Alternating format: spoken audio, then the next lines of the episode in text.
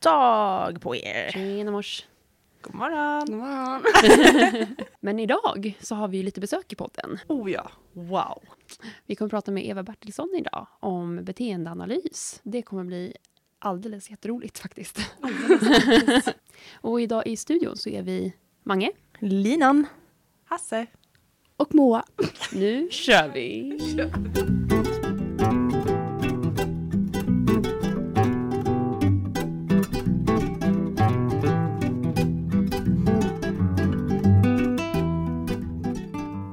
Välkommen hit in till Järna djurstudion. Hej! Vad roligt att du är här.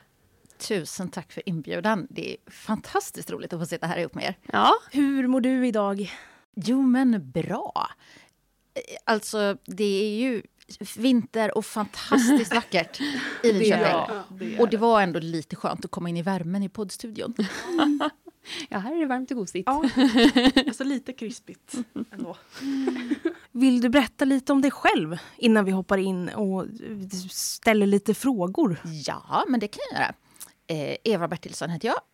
Är beteendeanalytiker till min utbildning, alltså har en master i beteendeanalys. Jobbar med em, utbildningar, fortbildningar, em, allt möjligt som har med beteende att göra. Startade med, jag höll på med häst när jag var liten. Och sen mm, blev nördigt intresserad av hund och hundträning. Och eh, kom in i den här världen av hur beteende och lärande fungerar via hundträningen, skulle man väl säga. Och just nu så eh, har jag förmånen att få hänga med er i Linköping eftersom jag är med och eh, undervisar lite grann på djurpsykologiprogrammet. På den här kursen som ni läser nu, påminn mig, vad heter den här kursen som ni har just nu? Etologisk analys och beteendemodifiering. Ja. Etologisk analys och beteendemodifiering. Yes! Och då är ju eh, beteendemodifiering är ju ett ord som även tidigare använt eh, inom ramen för det här stora området som jag kommer ifrån som, är, eh, som kallas för beteendeanalys. Då. Eh, och det är så himla roligt. Det är en eh, gammal god vän som jag har haft kontakt med jättelänge, Anneli Andersson, som är kursansvarig för, för den här. Och vi spånade på när, när var vi i kontakt första gången. Och det var i samband med att jag hade en undervisningsomgång på temat just beteendeanalys på en utbildning som hon gick för. Det är många år sedan nu. Så det var liksom vår första kontakt. Men åh vad kul! Men om vi hoppar rakt in i det här ämnet nu då. Eh, För vi läser ju etologi, vilket är läran om djurs beteende. Men mer på en grupp och artnivå. Beteendeanalys så är det lite annorlunda. Eller hur? Beteendeanalys som vetenskapsområde jobbar också med beteende, precis som ni. Men har liksom ett snävt fokus som är, är generellt ändå, men vi kommer komma mer till det sen. Men tänk ett snävt fokus på individ som lever just nu och den individens beteende och hur eh, individens beteende interagerar med sin miljö och utvecklas över tid, det vi ofta kallar för lärande. Eh, men, men som du säger, individen är i fokus. Och det gör ju att det är, det är så fantastiskt roligt att vi får ihop våra vetenskapliga områden och våra olika fokusområden. Det blir en så bra, det blir en så bra helhet av det. Och beteendeanalysen är ju ett område som i, från första början var framför allt fokuserat på att förbättra förutsättningarna för människor. Det var liksom de tidiga beteendeanalytikernas huvudfokus var hur kan vi göra livet bättre för människor? Och så tittade man på eh, djur och beteende som eh, bara modeller, exempel eftersom man var så medveten om redan från början men principen för beteende och lärande den är, den är generell för alla. Och sen så utvecklades det väldigt fort till att bli praktiska tillämpningar även för andra djur än människan. Då. Men hur kommer det sig att du kom in på just beteendeanalys? Liksom, hur hittade du det området? Alltså för att jag hade liksom inte hört talas om det som område innan den här utbildningen.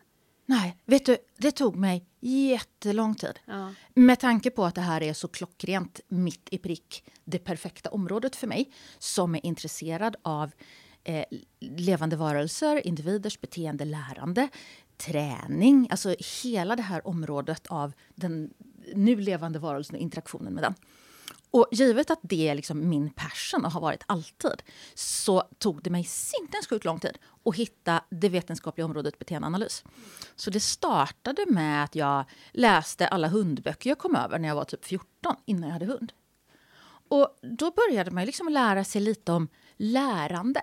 Det stod om lärande, om operant och respondentbetingning. Jag kunde läsa lite grann om positiv och negativ förstärkning. Det här var liksom böcker som fanns tillgängliga. Det, det stod i hundböcker redan, redan på 80-talet.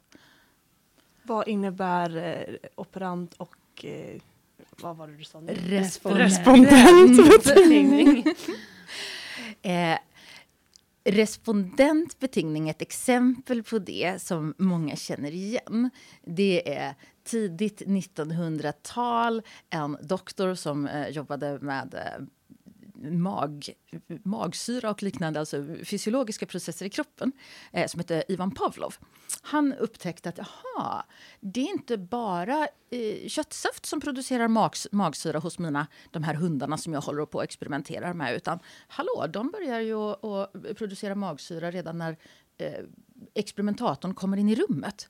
Det är något märkligt här. Vad är det som pågår? Det är som att de lär sig något. Eh, och så kunde man säga att amen, om Eh, vi har en, en fysiologisk respons i kroppen som utlöses av ett, ett givet stimuli, till exempel då den här köttsaften som utlöste magsyra. Och det är ett annat stimuli, en annan händelse i världen som händer precis innan. Då, eh, då blir det väldigt ofta så att den händelsen som var precis innan tar över funktionen och utlöser magsyreproduktion istället. Det är det här vi kallar för klassisk betingning eller respondent betingning. Jag kommer att säga det är väldigt ofta så. Man skulle praktiskt kunna säga det är alltid så. Men då kommer vi behöva nörda in på detalj, en detaljnivå som jag inte tänker gå till. Så därför så håller jag det en, en aningens litet öppet. Och ifrån den här tidiga 1900-talets då upptäckten att amen, wow, um, responser, sånt som levande varelser gör, det verkar vara väldigt mycket påverkat av vad som händer runt omkring. Det verkar vara stimuli i miljön som utlöser responser. Och sen så blev det liksom ett, ett jättestort intresse för stimuli utlöser responser. Och den forskningen höll på, både då Ryssland och sen hamnade vi över till USA. En, en, en professor som hette Watson som ägnade sig åt att skrämma barn med fluffiga kaniner och så. Uh, det vill säga, han kunde visa, han kunde visa hur rädsleresponser kan betingas av nya, nya företeelser. Man har ett litet, ett litet rart barn som tittar på en liten fluffig kanin eller vad det var för någonting han hade framför sig. Och barnet skrattar och leker och sen så tar vi bort den fluffiga kaninen tar fram kaninen igen och direkt efter att barnet ser kaninen så kommer det ett högt ljud och skrämmer barnet med något. Varpå, gången efter när barnet får se den här kaninen så börjar barnet gråta redan när det ser kaninen utan att det är något högt ljud. Och då får man lite tänka på att det här var liksom nytt då. Det, det här området eh, som startade från Pavlov klassisk betingning, magresponserna och där sen forskare som Ivan Pavlov fortsatte. Man hade liksom inte, inte så, så mycket kunskap om hur utvecklas beteende i relation till miljöfaktorer. Så då var det, ju, det var ju nytt och helt fascinerande att wow, nya stimuli kan utlösa responser. Och det, det, det är liksom området av eh, respondentbetingning eller klassisk betingning som vi idag vet att men, det är framför allt viktigt för oss att förstå när det gäller fysiologiska, fysiologiska responser. Um, men det finns ett jättestort område till som har fått alldeles för lite uppmärksamhet och som har blivit lite så här jämställt med den här respondenta betingningen eller klassiska betingningen. Och det är de upptäckterna som startade med B.F. Skinner i USA på 30-talet, 40-talet. För han fortsatte och så försökte han att liksom spinna vidare på den här tidiga forskningen från från Pavlov och Watson. Han var också läste mycket biologi, han läste om evolution. Kände, kände liksom väl till selektions, selektionsteorier eller hur selektion fungerar på populationsnivå. Så han hade med sig den här kunskapen som fanns från, eh, från Darwin, 1800-talet. Att ah, men det är miljöfaktorer som styr beteende och utveckling hos liksom, fysiolo fysiologin, biologin, allt. Det är miljö, miljötryck på populationsnivå som styr hur levande varelser utvecklas över, över lång tid. Alltså det som ni är, duktiga postmetologer och. Liksom kunna, kunna se vad, vad har vi för, för tryck på populationsnivå och hur selektion på populationsnivå styr.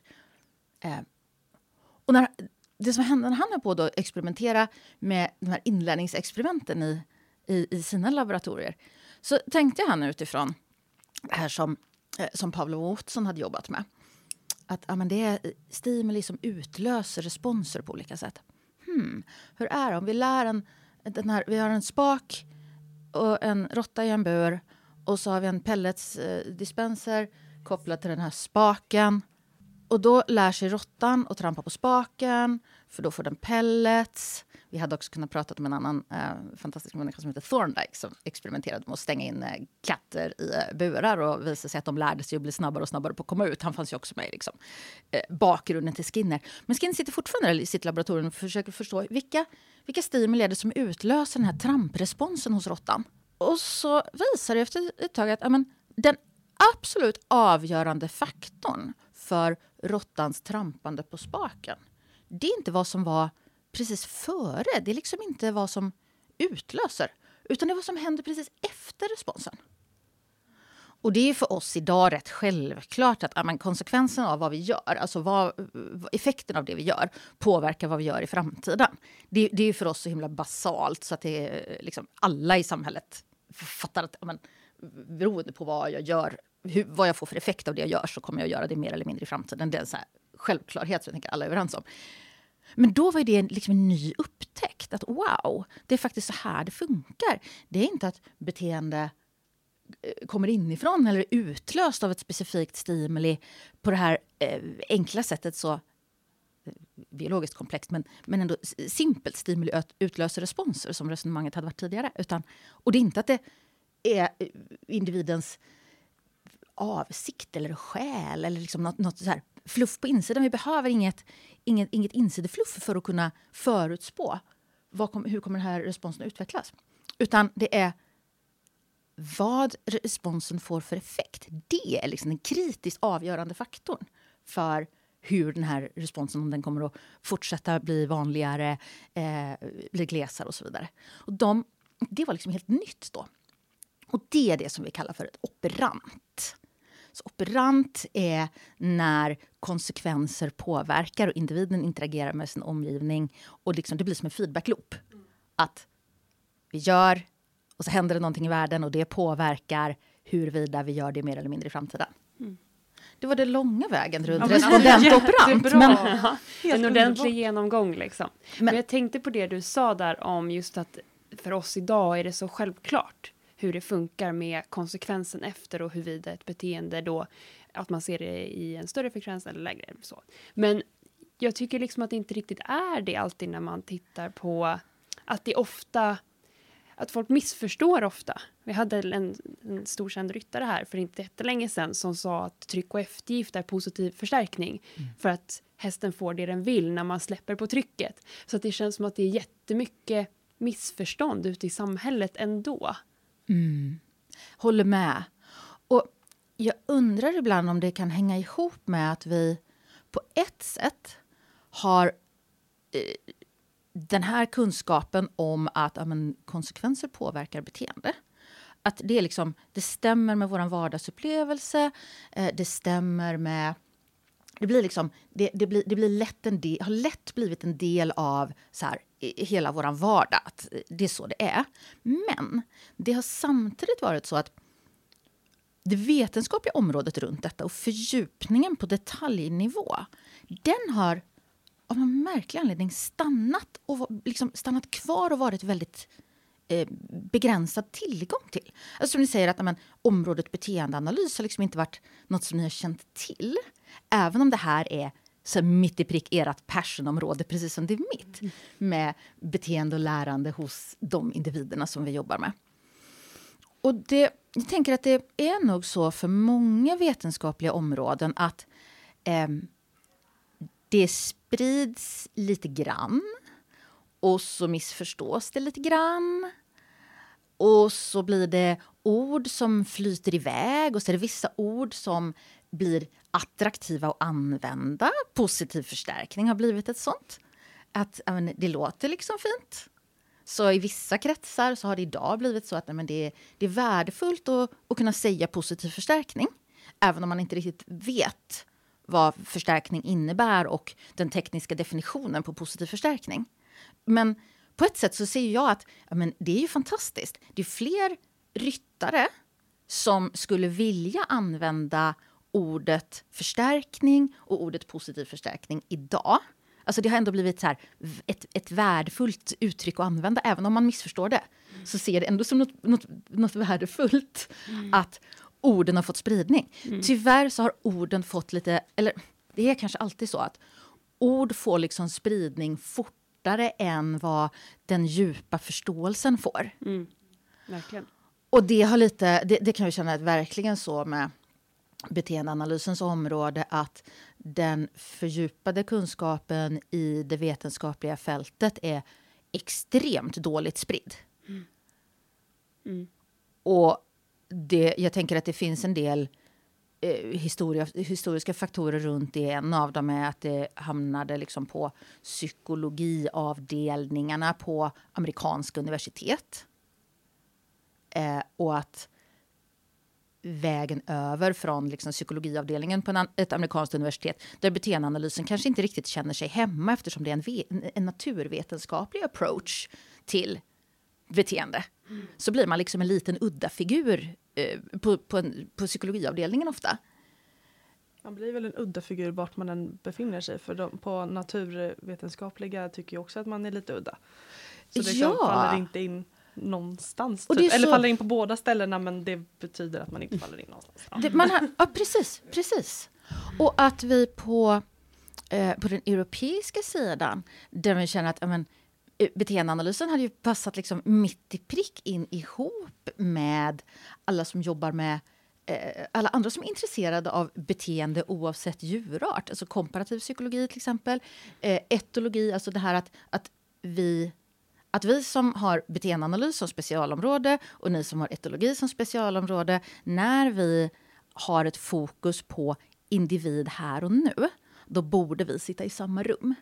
Det är inte, det är inte en praktisk skillnad i det vi, i det vi håller på med. Eh, och det hade varit väldigt värdefullt, och det är väldigt värdefullt, ser, ju, ser vi ju att ha eh, de här gränsöverskridande, att det hade... Vi har, oh, jag snubblar på orden. Det här är så här, extinction burst. Det finns förstärkare i slutändan som man bara vill komma till. Mm. Och det man skulle vilja komma till är att bara skaka om i hur våra stuprör mm. är formade. Mm. Så att jag kunde få med mig alla er som jobbar med beteende på en individuell nivå och vi kunde få en supergedigen fördjupning i beteendeanalys. Mm. Och i det forskningsfältet som är så svårtillgängligt. Mm. Eh, svårtillgängligt för er, det var svårtillgängligt för mig. Um, och det är svårtillgängligt idag i Sverige eftersom vi inte just nu har någon universitetsutbildning alls. Det fanns en masterutbildning en kort period på ett, ett antal år på Stockholms universitet med fokus på beteendeanalys och autism. Mm. Som tyvärr inte är kvar sedan ett par år tillbaka. Mm. Eh, vi hoppas på att den kommer att kunna komma tillbaka. Mm. Men den var också snävt inriktad på just personer som mm. jobbar inom, inom fältet autism. Så den var lite svår, svårtillgänglig för alla andra. Vi har inte en filkand i beteendeanalys. Jag läste, läste min filkand i Sverige på... Eh, jag läste beteendevetenskap, alltså psykologi, pedagogik socialpsykologi. På människosidan då? Ja, mm. på människosidan. Och sen hittade jag så småningom det här att området fanns genom att bara vara beteendenörd, träningsnörd på djursidan. Gå alla kurser jag kunde komma åt. Hittar till slut lite trådar. Så här. Karen Pryors Skjut inte hunden, kurser för Bob Bailey börjar liksom höra ord som bara, vänta här, det här, det här, det här verkar hänga ihop på något vis. Menar ni att de här orden positiv förstärkning och utläck, utsläckning och stimuluskontroll som är liksom träningsord för mig. Ah, ni menar att det gäller liksom allt beteende, inte bara i mina träningspass? Ja, ah, men det, det, det, det stämmer ju med så som jag uppfattar verkligheten. Och så till slut, det var inte alltså förrän 2011 då har jag haft hund, liksom läst hundböcker sedan 80-talet, haft hund sedan 92. 2011 hittade jag universitetsutbildningen i, eh, i Oslo. Så det är, det är liksom helt, sjukt tidsspann. Ja, det är helt galet nästan när man tänker på det. Hur otillgängligt det ju faktiskt är. Ja. För, för jag tänker ju verkligen i generellt, min egen upplevelse generellt, liksom bland annat, eller kanske främst med hästar, är ju att man etiketterar ju ofta hästar i att de är dumma, envisa och ditten och datten. Så. För att man förstår ju faktiskt inte egentligen riktigt varför de beter sig som de gör i situationer. Och som du nämnde innan så känns det ju, alltså vikten av att kunna titta på beteende i detaljnivå ger ju svar på väldigt många frågor. Och det är ju så, så viktigt istället för mm. att se på en övergripande kontextnivå. För då kan man ju inte angripa ett problem på ett bra sätt. Exakt. Amen sister. Alltså, det är precis det. Om vi kan förstå hur beteendet interagerar med sin omvärld på detaljnivå, då kan vi hjälpa till att problemlösa. På liksom handfast, konkret, experimentellt tillsammans med den individen. Om vi bara släpper alla de här etiketterna och berättelserna och blir lite mer så gott vi kan neutralt observerande och titta på men hur hänger det här ihop egentligen. Men jag tänker, för vi kom in lite på etologins historia och alltihopa. Men det känns som att vi kanske inte riktigt gick igenom vad beteendeanalys faktiskt är, mm. rent konkret. Så beroende på vilken nivå vi pratar på, starta på den övergripande nivån. Beteendeanalys är ett forskningsområde, naturvetenskapligt forskningsområde eh, som startade historiskt från Skinner och framåt. Um, och kallas också radikal behaviorism.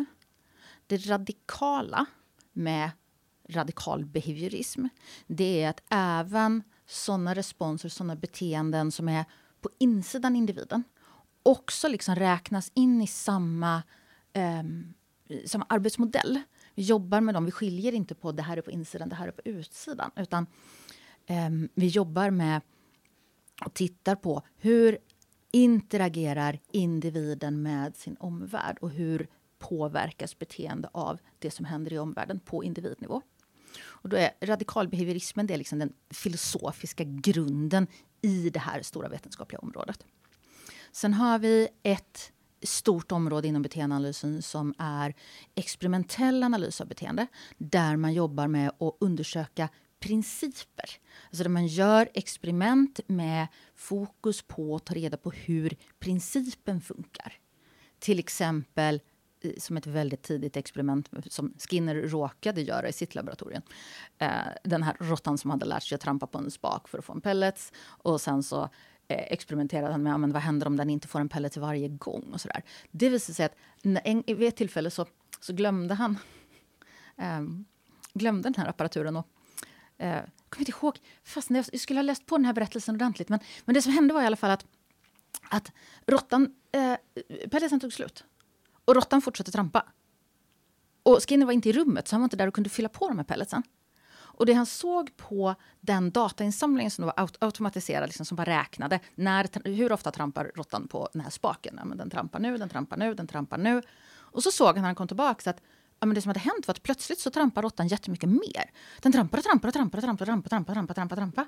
Och det. Och sen så dog liksom trampandet ut. Det hände när pelletsen tog slut.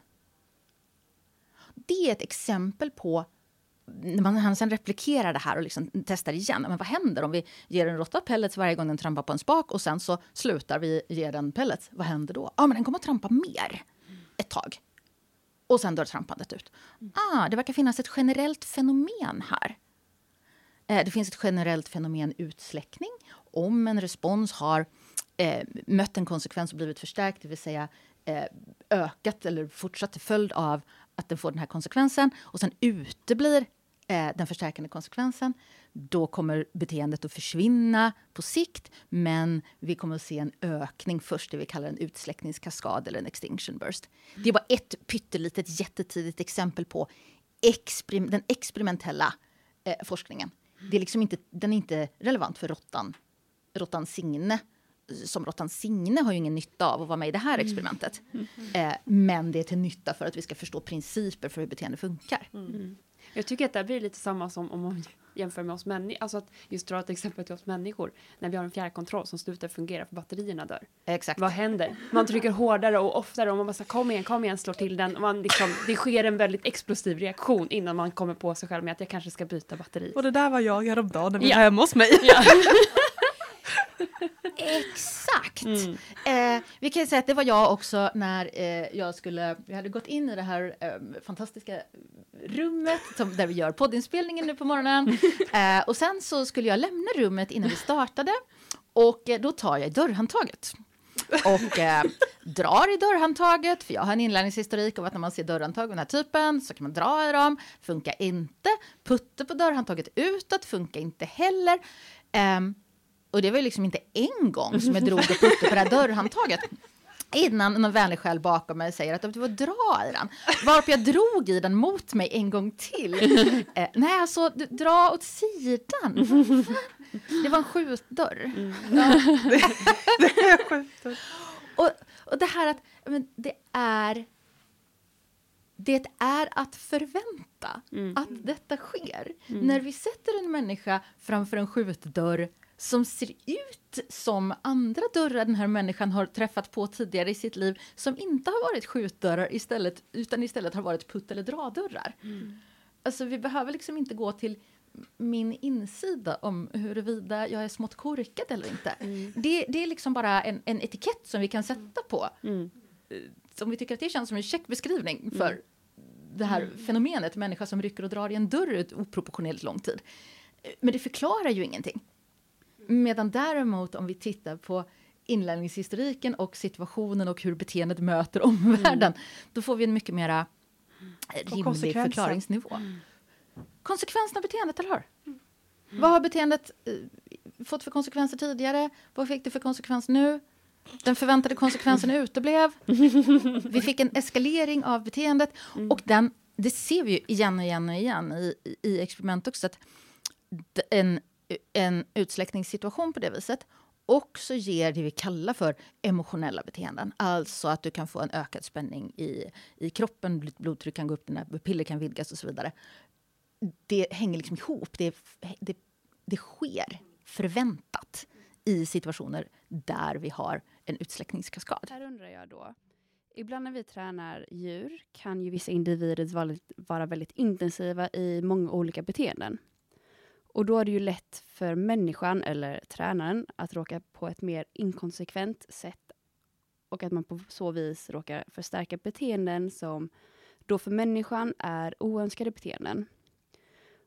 Och detta är oftast då helt omedvetet. Mm. Och detta kan ju då, då leda till att människan upplever en väldigt intensiv frekvens i utförandet av dessa oönskade beteenden. Yep. Och det här visar ju verkligen på att det är viktigt att tänka på att vara konsekvent i hur vi förstärker olika beteenden. Ja, det kommer ju vara väldigt hjälpsamt. Så alltid om vi vill vara inblandade i och påverka beteende på något vis så kommer det vara väldigt hjälpsamt om vi kan se hur beteende och omvärldsfaktorer hänger ihop. Så att om vi ser jag visade er... Hur många var med? Jag hade ett litet filmklipp på en giraff igår. Ja, var... jag, kommer att få dela, jag kommer nog att få dela det här giraffklippet i, idag igen. Mm. På ett ganska tidigt träningspass eh, tillsammans med mig och en giraff. Och min upplevelse hade varit att den giraffen hade varit ganska långsam innan. Ja, men det var lite lugnt och sävligt och den tog sin godis. Och, och sen efter ett par veckors eh, träningspass, det vill säga när giraffen hade börjat att få med sig upplevelsen, det vill säga lära sig att ah, jag gör en rörelse det kommer ett klick. Jag får en bit morot. Jag gör en rörelse. Det kommer ett klick. Jag får en morot. Och så hade jag ett lite taffligt försök att eh, ge klick och godisar för giraffnäsa stilla på avstånd av en eh, godishink. Det är bara det att om man tittar på filmen så ser man att det är ju klick för rörelse bort från godishink. Och sen är det klick för stanna upp och sen är det klick för rörelse mot godbithink men, men fortfarande kvar på lite avstånd. Lite inkonsekvent som du säger, det vill säga det dök upp klick på olika ställen i den här rörelsecykeln av näsan gick bort från hinken, eh, gick lite till höger, gick lite till vänster. Om jag bara hade visat någon 10 sekunder eller 5 sekunder av den här väldigt intensiva giraffen som liksom står och rycker med huvudet lite så här. Till höger, till vänster, uppåt, ner, Det ser sjukt, sjukt intensivt ut. Som att, men det, det här är en väldigt speedad giraff. Alltså. ja. Och så, om man tittar på hela filmklippet, som ju bara är på ett par minuter, så ser man att nej, men det här är ju ett beteende, det, det beteende som giraffen har gjort, som har mött konsekvensen klick och godis i just det här lilla träningspasset. Så det giraffen gör, det är ju bara att den gör mer av det som har funkat hittills. Och att det är oerhört vanligt i... Alltså, det, på ett sätt så blir det till och med fel att säga att det är oerhört vanligt. Det är självklart så att levande varelser hela tiden kommer att göra mer av det som har funkat hittills. Så att när vi ser beteende så behöver vi liksom slå på glasögonen. Vad är det för faktorer som är inblandade i att påverka det här beteendet? Och det kan finnas många faktorer som samverkar. Men en av dem kommer att vara vad har vi för förstärkningshistorik? Det vill säga vad har det här Eh, beteendet mött för konsekvenser tidigare som bidrar till att upprätthålla det här beteendet. Och det är den vanligaste faktorn att missa det är den vanligaste faktorn att glömma när man tittar på varför gör någon så här. Och det, det är ju paradoxen, det är därför det är så otroligt roligt att ni har med eh, området beteendeanalys i er utbildning. Och det är därför som vi är så liksom, passionerade för just det här. Att den lilla faktorn kommer aldrig att bli bortglömd när du pratar med en beteendeanalytiker. Den kommer alltid att finnas med. Det är liksom kärnan, det är inte den enda faktorn, det är inte den enda vi jobbar med. Eh, det är inte den enda för oss beteendeanalytiker heller, men vi kommer inte att glömma bort den någonsin. Det kommer inte att hända att du pratar med en beteendeanalytiker som glömmer bort att konsekvenser är med och påverkar framtida beteende. Mm. Ja, jag tycker att för vi var ju då igår och tittade på en föreläsning som du höll och du, då tyckte jag att du hade ett så bra exempel på en hund som kommer till en klinik och ska få, man ska läsa av vid chip. Mm på hunden. Vill du bara berätta det så att inte jag berättar det fel? Det är exemplet på hur man skulle då bara lite snabbt i stunden träna in det på ett sätt som blir lätt för hunden. Ja, då hade jag en situation där, men, säg att jag jobbar på den här kliniken och jag, det dyker upp en hund som jag inte känner. Jag har inte träffat den här hunden tidigare och mitt jobb är att läsa av chippet innan hunden går in till veterinären. Och då vill jag säkerställa vad är det som den här hunden kommer att uppleva i situationen? Så att både hundens beteende möter för hunden just då relevanta förstärkare. Det vill säga att hund, det vi lite skulle slarvsäga hunden har valmöjligheter. Men det handlar om hundens beteende har möjlighet att möta relevanta förstärkare. Vi vill inte sätta den här hunden i utsläckningskaskadsituationen. Och det blir det första vi tittar på. Det är, kan hunden komma bort från mig om den skulle vilja? Om det skulle vara relevant för hunden att hålla avstånd från mig, kan jag se till att det finns. Och sen det andra jag gör är, finns det någonting som skulle vara värdefullt för den här hunden? Ja, men eh, kanske en godis.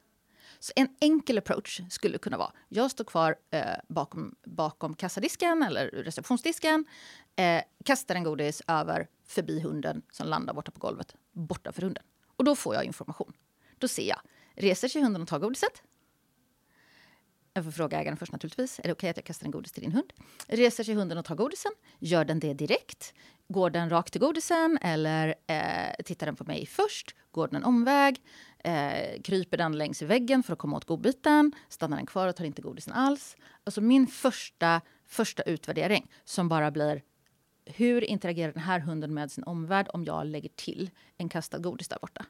Ser jag att hunden bara med helt avslappnad i kroppen reser sig, sträcker sig efter godisen, ja, men då kan jag eh, flytta på mig själv. Blir att jag flyttar mig, någonting som hunden undviker eller kommer närmare på, hur reagerar hunden på det? Eh, kan, kan passa på att kasta en godis till medan hunden fortfarande är sysselsatt med den första. Och sen så kan jag, kan jag om jag då ser att nej, men jag har inte hund som agerar för undvikande från mig, eh, jag kan leverera ett par godbitar till hunden, får avslappning i det. Då kan jag göra en rolig grej med min chipläsare. Då kan jag nämligen göra rörelse med chipläsaren föregår godiskast. Så jag kan göra, jag flyttar på chipläsaren eller jag håller ut den i luften. Det dyker upp en godisbord hos hunden. Världen är stilla ett ögonblick. Jag kastar en godisbord, jag håller fram min chipläsare upp lite i luften, flyttar på den lite grann, kastar en godis till hunden, väntar ett ögonblick. Det jag med stor sannolikhet kommer att se efter ett par sådana repetitioner är att hunden kommer att börja göra någonting för konsekvensen jag flyttar chipläsaren, hunden får en godis. Och när jag har fått igång det, att hunden faktiskt sätter igång mig. Alltså hunden tar initiativet. Först kan det vara att hunden bara tar initiativet att jag ska kasta nästa godis. Men sen hunden tar initiativet till att jag flyttar på chipläsaren och kastar en godis. Då blir det som att hunden från sitt perspektiv har liksom en fjärrkontroll till chipläsaren. Och så får jag samtidigt eh, hålla, ett, hålla ett öga på hundens, eh, hundens rörelsemönster. I övrigt ser jag att om eh, hunden tar ett steg eh, i min riktning eller nickar med huvudet, jag flyttar på chipläsaren, kastar en godis eh, och sen så flyttar jag på chipläsaren lite mer upp i luften eller lite kanske mot hunden. Om jag har gjort det två gånger och ser att jag får längre latenstid, alltså det tar längre tid innan hunden gör den här responsen nästa gång. Ah, då är det information. Då kan jag säga att aha, är det så att det jag gjorde med chipläsaren nu, det är en mindre förstärkande konsekvens. Alltså det sabbar liksom värdet av det här konsekvenspaketet. Flytta chipläsare och kasta godis. Då vet jag att nej, men då ska inte jag göra det här, eh, flytta chipläsaren svårare just nu. Eftersom jag ger liksom hunden möjlighet att styra det här konsekvenspaketet. Medan om hunden omedelbart och med avslappnad kropp direkt gör om beteende igen för att få mig att flytta chipläsare och kasta godis, ja, men då kan jag använda det för att liksom våga göra lite svårare. Och sen så kan jag börja förstärka rörelser som är eh, mot chipläsaren eller jag kan gå närmare hunden själv. Och det här är ju lite så här, eh, nu, nu, hoppade vi liksom fram mm. till en, en eh, elaborativ, eh, cool procedur som var en av tusen möjligheter. Mm. Men vad roligt att du, att du fångade ja, upp den och liksom fascinerad av den. Ja, för att vart, när du berättade den så fastnade jag i det här att såklart, jättebra sätt att hantera det på ett snabbt sätt på något sätt mm. i en situation. Ja. Och att lite den här frustrationen hos en själv, liksom hur...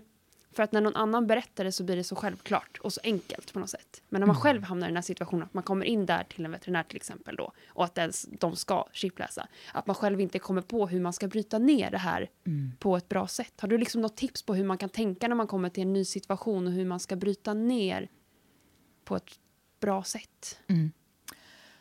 Jättebra fråga med många möjliga svar. Ja. Mitt viktigaste är sakta in och titta på vad är det för beteenden som redan är i situationen. Vad är det för miljöfaktorer som redan påverkar beteende? Vad har de här beteendena för funktion på individuell nivå? Och där vet vi att vi, använder, vi har liksom dubbla betydelser av funktionsbegreppet beroende på om vi pratar på en populationsnivå inom etologin eller på en individuell beteendenivå som i beteendeanalys. Liksom, vi använder samma ord, det är bara det att det, det, det, är olika analysnivåer.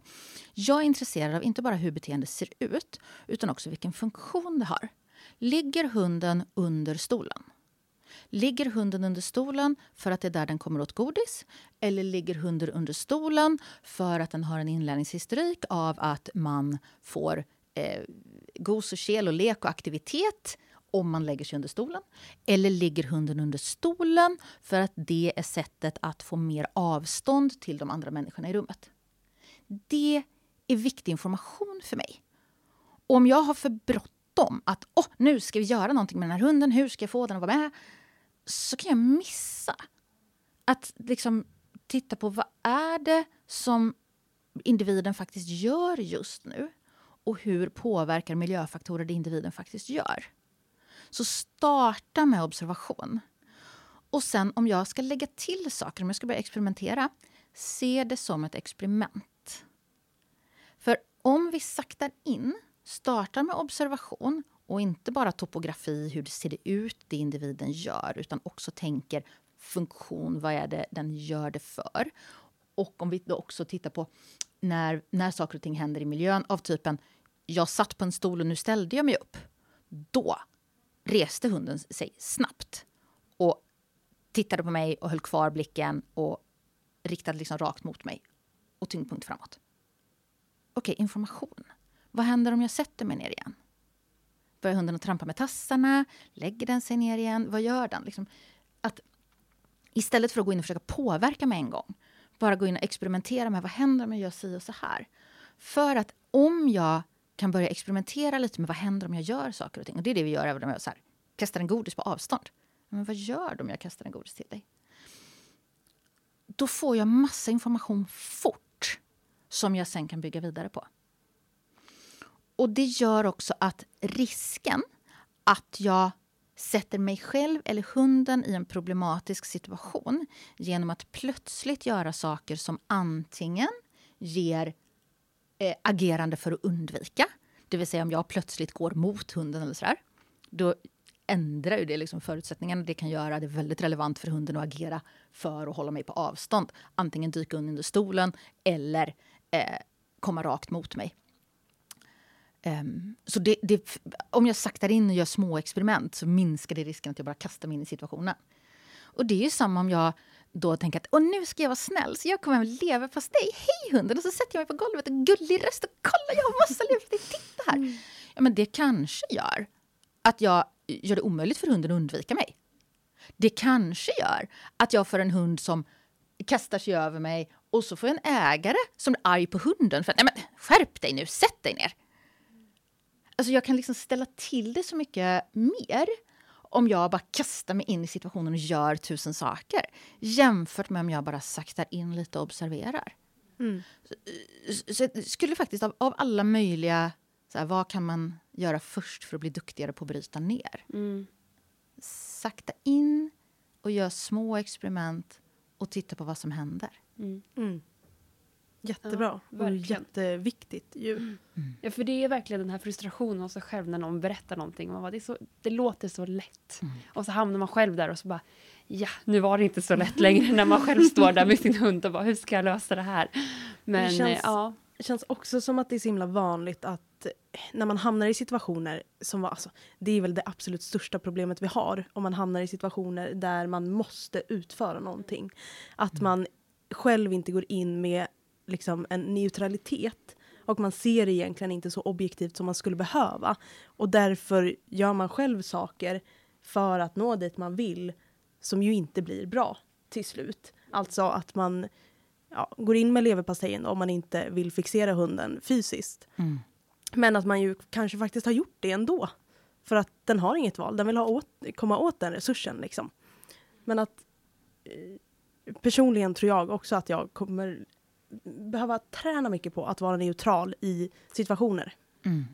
Vara neutral, sakta in lite grann och titta, det hunden gör nu, vilken konsekvens möter det? Vilken effekt får det? Vilket resultat får det för hunden på detaljnivå? Så att vi gör mindre vi ska fortfarande göra saker före. Alltså vi, vi ska fortfarande interagera, vi ska fortfarande eh, tillrättalägga miljöer, vi ska fortfarande göra en massa saker. Men samtidigt som vi gör en massa saker före beteende. Typ strösslar ut ett godisspår eller vad det nu kan vara för någonting. Eller sätter mig ner eller ställer mig upp eller håller mig på avstånd eller går en båge. Så ska jag samtidigt se till, ja, men, om jag nu går i en båge och hunden tar ett steg efter mig och nosar lite längs marken, hittar den någonting där då? Kasta dit en godbit. Eller förbered så att det finns en doft där. Så att hunden, när den tar två steg mot, möter en intressant doft. Um, och, och det här att...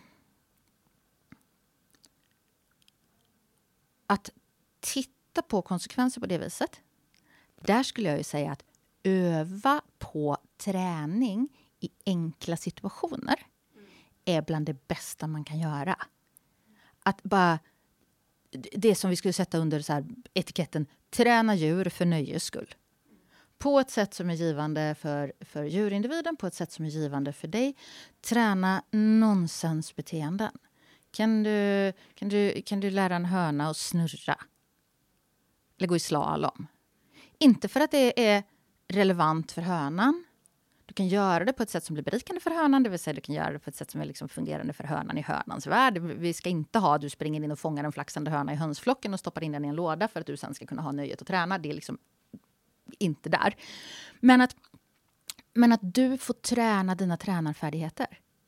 Eller som ni har gjort på den här fantastiska kursen som ni går nu, där ni har tränat i en manual som heter Portal, som är ett träningskit och en träningsmanual för att få öva sig själv tillsammans med andra människor. Öva sig själv på att shapea beteenden gör att man får upp sin egen observationsförmåga. Man får upp sina egna ögon, sin egen förståelse för hur situation, beteende, konsekvens hänger ihop på mikronivå. Och det är det här som gör att vi, alltså vägen till att bli fascinerad av beteendeanalys som område och ens hitta det området ofta går genom djurträning. Det, har ju, det, det, det, det, hänger ihop med att när vi jobbar med träning, belöningsbaserad träning, träning med positiv förstärkning, då, då använder vi de här principerna i praktiken och blir mer och mer uppmärksamma på att aha, kolla, det, här, det är ju så här allting funkar. Du kanske startar med att du går en, en valpkurs och lär dig leverera godis till valpen. Och sen lär du dig att vi kan shapea beteende. Och sen så jobbar du som lärare och så tänker du att men vänta här nu, det här... Ja, jag vill ju att eleverna ska komma in ifrån rast när, när klockan ringer. Men det första de får, det är en ganska svår uppgift. Det verkar inte riktigt funka som förstärkare för att de kommer in från rasten. Det kanske hade varit smartare att göra någonting med god timing när de kommer in från rast i tid. Som kan funka som förstärkare för beteendet kommer in från rast i tid. Mm. Eftersom levande varelser interagerar med sin omvärld hela tiden. Så verkar det ju, liksom, om det här... Alltså att man kan, man kan få syn på principer när mm. man lär sig tekniker. Mm. Det är ju så himla, himla viktigt också just när det kommer till vård och hantering i, på veterinärkliniker. Mm. Att dels då som ägare att ha liksom tränat och förebyggt massa olika problem som ju kan uppkomma. Men också kanske lite grann att tänka att lära sin hund att snurra är egentligen samma tekniska svårighetsgrad som att lära sin hund att man kan titta den i ögat eller så. Men att för folk så blir att man separerar de två. Att det här är trickträning och det här är hanteringsträning. Mm. Och att istället få ihop det och se att men det är alltihopa är beteende, alltihopa är mm. lärande. Mm. Och där vi har en, en fantastisk svensk-skandinavisk träningskultur, framförallt på hundsidan. Där det finns så många människor som går, de går valpkurs, de går vardagskurs. Man, man lär sin hund en massa roliga grejer. Mm. Bara ta med det rakt in i det som är hanteringsträning. Gör lika lätt, gör på samma nivåer. Gör likadant med dig själv eller ditt barn när du ska till tandläkaren. Gör på en lätt nivå, en liten sak i taget. Introducera nya händelser på ett sätt som är givande för individen istället för att det är någonting som inte går att undvika. Det finns liksom ingen anledning till att en godisväska, det är ju bara ett stycke tyg, det är på riktigt bara en tyggrej. Det finns ingen anledning till att när jag sträcker mig efter godisväskan så glittrar hunden med ögonen och uh, studsar upp och ner. Men när jag sträcker mig efter eh, klotången, okej okay, den är av metall, men det är, inte, det är liksom inte den stora skillnaden. Då hukar hunden med och slokar lite med svansen. Det, det, finns liksom ingenting i godisväskan eller klotången rent fysiskt som skulle ge den här effekten. Utan det har ju helt och hållet att göra med vad har individen fått för erfarenheter och hur har bete olika beteenden funkat? Vad har varit relevant för individen? I den ena situationen så har individen lärt sig att ja, men, nu finns det tillgång till godis. I den andra situationen så har individen, kanske om man har otur då, nu är det många som tränar det här bättre, men har man haft lite otur så har individen istället lärt sig att i den här situationen är jag sin klotång. Eh, då finns det risk för att jag blir fasthållen. Och att det är det som gör att vi får de olika reaktionerna om hunden istället lär sig att när det finns en klotång i närheten, det är liksom en förutsättning för eh, det kan dyka upp godis och leksaker och mitt beteende som hund.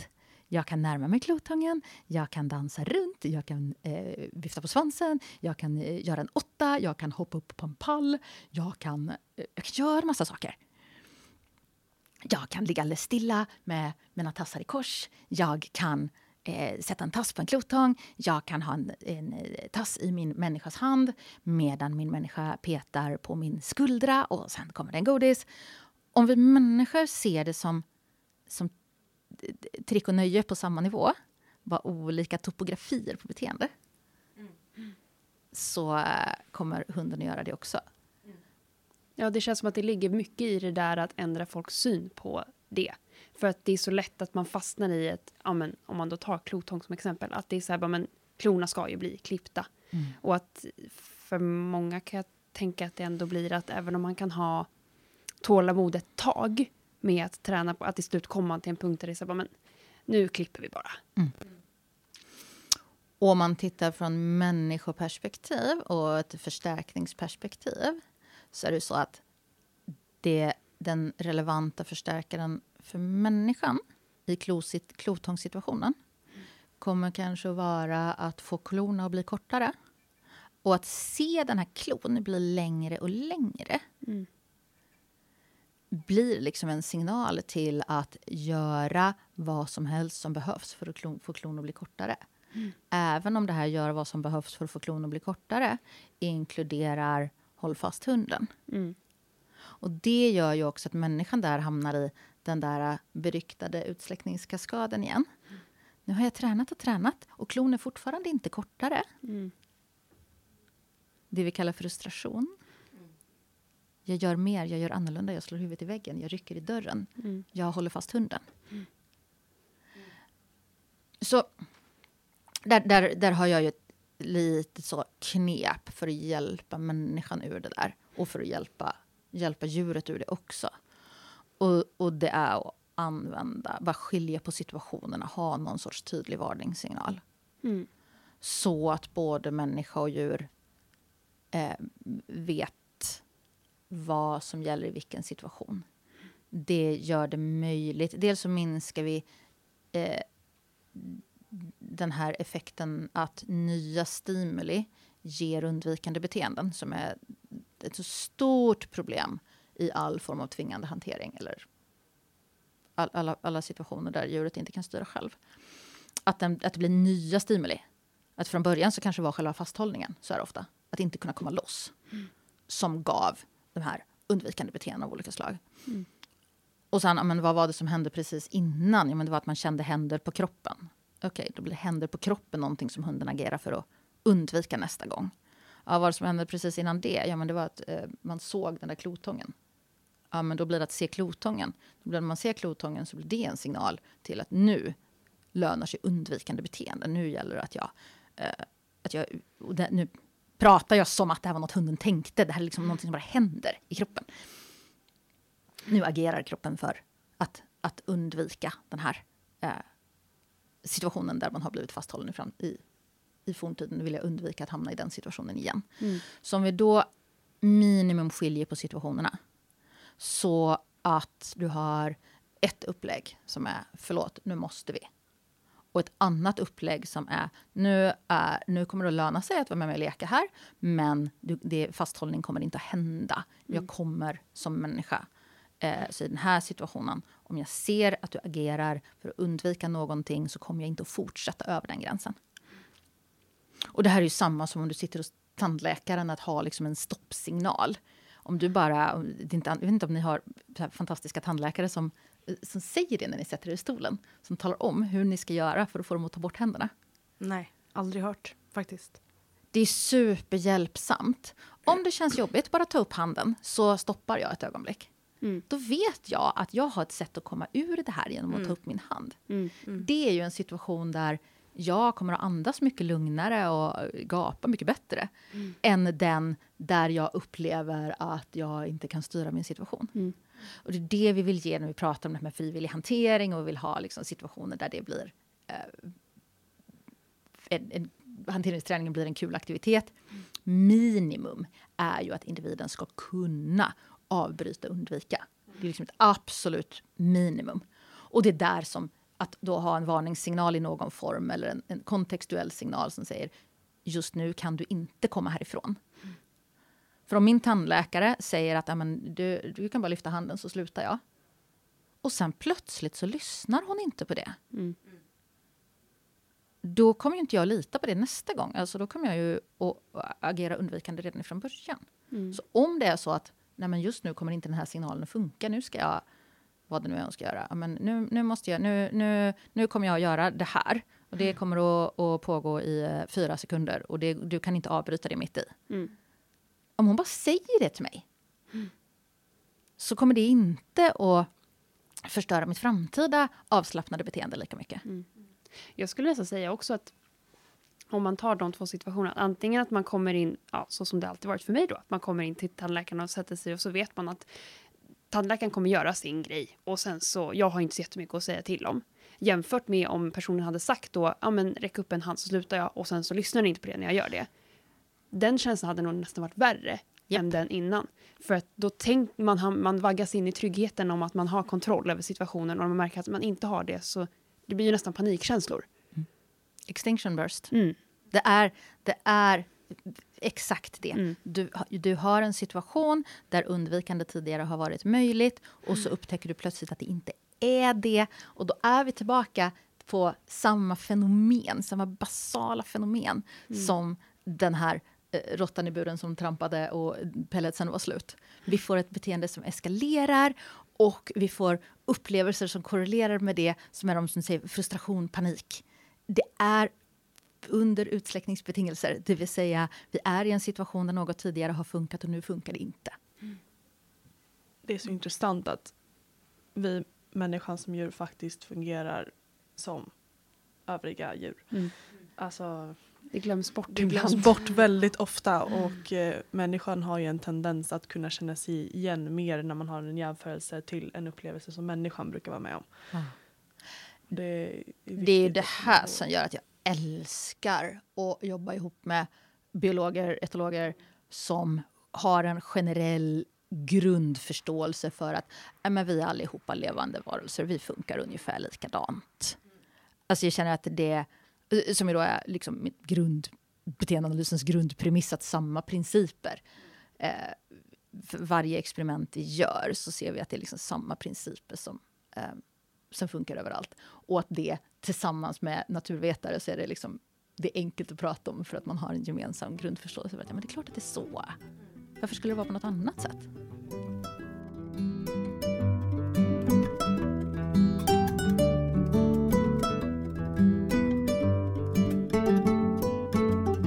Vi undrar om du, vi har ju ett, eh, en, eh, vad heter det? segment. Ett segment i podden som vi kallar för Dagens. Dagens mm. fun fact, dagens myt, dagens spaning. Eller ja, bara dagens dagen. fundering. Ja. Vad som helst. Har du med dig en sån till oss idag? Då skulle jag ju, min, det jag har tänkt på är ju att dagens spaning mm. är att det är inte fult att titta på det som till synes är enkelt Mm. Och att jag är så otroligt glad över det här ökande intresset för nej men, kan vi bara titta på vad det är som händer? Just det. Hur, ser, hur ser det ut? Vem gör vad? När? Ja, men det förenklar ju alldeles för mycket. Det är jättebra om vi kan förenkla, det vill säga gå ner och zooma in på detaljnivå och bara se vad som händer. Ja, alltså jag tror verkligen att många fastnar i den här stora komplexiteten som blir när man tar en hel situation med allting vad det kan innebära eh, och försöker tänka på exakt allting samtidigt.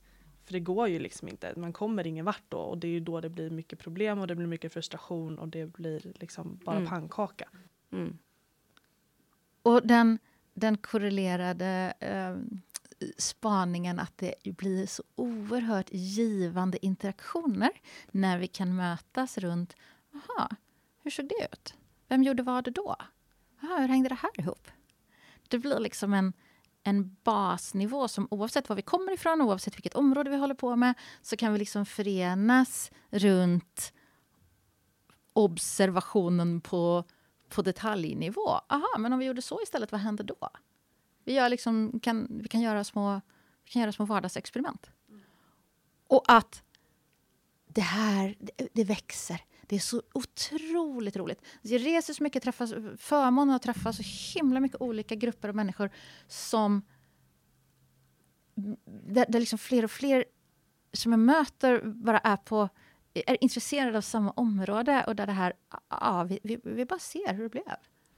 Vi gör små mini-experiment i vår vardag och så ser vi, jaha, nu blev det så. Och så testar vi lite till. Och att det, det är en sån det, det, det, låter så himla simpelt, eller så enkelt. att ja, men det, Vi tittar på en sak i taget och så experimenterar vi lite och så ser vi vad som hände. Så utvärderar vi utifrån det och så gör vi vidare. Och så provar vi lite till och ser vad som hände. Och så pratar vi om hur det blev. Alltså verkligen så intressant mm. och viktigt verkligen. att tänka på. Mm. Verkligen. En sista fråga har jag. Vad är det vanligaste, nu tycker inte jag om att använda ordet problem egentligen. Oönskade beteendet. Mm. Ja, som folk eh, söker för till dig.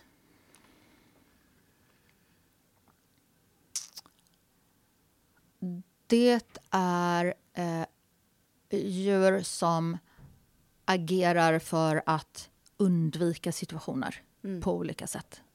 Det är det absolut vanligaste. Som är ett problem för människan. Mm. Eh, hunden eh, dyker in under soffan istället för att eh, vara med när vi ska klippa klorna. Eller hunden tvärstannar när vi är på väg till bilen. Eller hunden eh, morrar när veterinären, när veterinären närmar sig. Eller hästen springer åt andra hållet när jag ska hämta den i hagen. Alltså massa, massa situationer där djurindividen agerar för att undvika eller förhindra någonting som människan försöker göra. Mm, just det. Och att det blir ett problem för människan också, för människan eh, var på väg och skulle någonstans, skulle mm. göra någonting. Mm. Skulle, och så det är liksom, vi har eh, ingen av dem möter sin förstärkare. Båda två hamnar i den här eh, utsläckningsproblematiken. Jag mm. agerar för att få någonting att hända och jag misslyckas med det. Människan försöker få med hunden in i bilen, hunden försöker att slippa åka bil. Människan försöker få klorna klippta, hunden försöker slippa klippa klorna. Människan försöker gå på sin morgonpromenad i ett trångt villaområde. Eh, hunden försöker hålla de andra människorna på avstånd. Mm. Alltså massa sådana situationer där djur på olika sätt agerar för att undvika sådant som människan vill ha med djuret in i. Mm. Eller sånt som människan vill få djuret att, att göra. Mm. På liksom generell nivå. 99 procent av alla, alla, alla, problem har liksom den gemensamma grunden. Och det mm. kan se otroligt olika ut beroende på situation. Det är liksom allt ifrån separationsproblem. Hunden agerar för att slippa vara ensam hemma. Eller hästen vill inte bli instängd eller vill inte gå ifrån hagkompisarna. Eller vad det nu kan vara för någonting. Men, men den gemensamma grunden. Djuret agerar för att undvika att någonting händer. Människan agerar för att få med sig djuret i den här händelsen som djuret försöker undvika. Och så får vi ett eskalerande problem. Mm. Just det. Mm. Ja. Fantastiskt intressant. Mm. Och jätte, jätte, jätteviktigt. Mm. Och för er som lyssnar nu då, försök söka upp lite information om just beteendeanalys. Och eh, läs in er lite på det, för det är fantastiskt intressant och så användbart när vi i alla möjliga situationer ska hantera våra djur och umgås med våra djur. Och där är vi ju på den här, det tredje stora området i det hela vetenskapliga området som är den tillämpade beteendeanalysen. Vi har mm. det filosofiska området, vi har det experimentella området, man liksom bara utforskar principer. Och sen har vi pratat jättemycket nu om de här tillämpade områdena. Mm. Och där det kommer att det kommer att vara ett jättestort överlapp om man lär sig om träning Och så kan man bara veta, så som ni liksom vet nu, att ja, men det här som vi pratar om som träning, det är liksom en liten del som är sprungen från kunskap som kommer från ett stort forskningsfält mm. som heter beteendeanalys. Mm. Välkomna in i den världen. Jag är så otroligt glad ja, äh, att ha er med i det här fantastiska området där vi kan prata om människor och djur på ett lite mer likvärdigt sätt och där vi kan interagera och jobba med individbeteende och prata om vad är det som faktiskt händer och hjälpas åt att påverka oss själva och andra levande varelser i en för oss, eh, för oss allihopa önskad, eh, önskad riktning. Ja men gud, verkligen. Och vi är så tacksamma och glada över möjligheten att få läsa den här kursen där vi får med oss så himla mycket fina kunskaper och bra verktyg ut i våra liv sen. Och vi är jätteglada att du ville komma hit och prata om det ja, också. Tänkte precis det. ja, men tack så jättemycket för inbjudan. Jag mm. är ju oerhört glad både att den här kursen finns och att jag, liksom, min, min specialistkunskap som med, med liksom bakgrund inom beteendeanalysen får komma in och, och, och, vara med och dela den med er. Det är jätte, jätteroligt. Ja. Ser mycket fram emot eh, fortsättningen. Och också grattis till den här fantastiska podden och grattis alla lyssnare till att den här podden finns. Det är så, ni gör ett fantastiskt jobb, jätteroligt. Så jag är otroligt glad att ja. äh, tillbringa den här morgonen tillsammans med er. Gud vad kul att höra. Och eh, var kan våra lyssnare hitta dig på sociala medier? Mm, då är Instagram är nog den äh, säkraste stället. Då är det eva.bertilsson. Mm. Vi har också en Facebook-sida som heter Kul med hantering som hänger ihop med min, eh, min medlemsgrupp för folk som är intresserade av hanteringsträning men där vi också delar en del material direkt ut på den här, den här Facebook-sidan. Mm. Vad roligt. Och sen så har ni min hemsida som är evabertilsson.com där man kan hitta eh, information om också webbinarier och onlinekurser och annat. Mm. Ni hittar oss som vanligt på Instagram där vi heter Gärna djur. Eller på Facebook där vi också heter Gärna djur. Då tackar vi Eva för idag. Ja. Tack. Tack. Tusen tack hörni. Bye. Bye. Bye. bye. 哈哈哈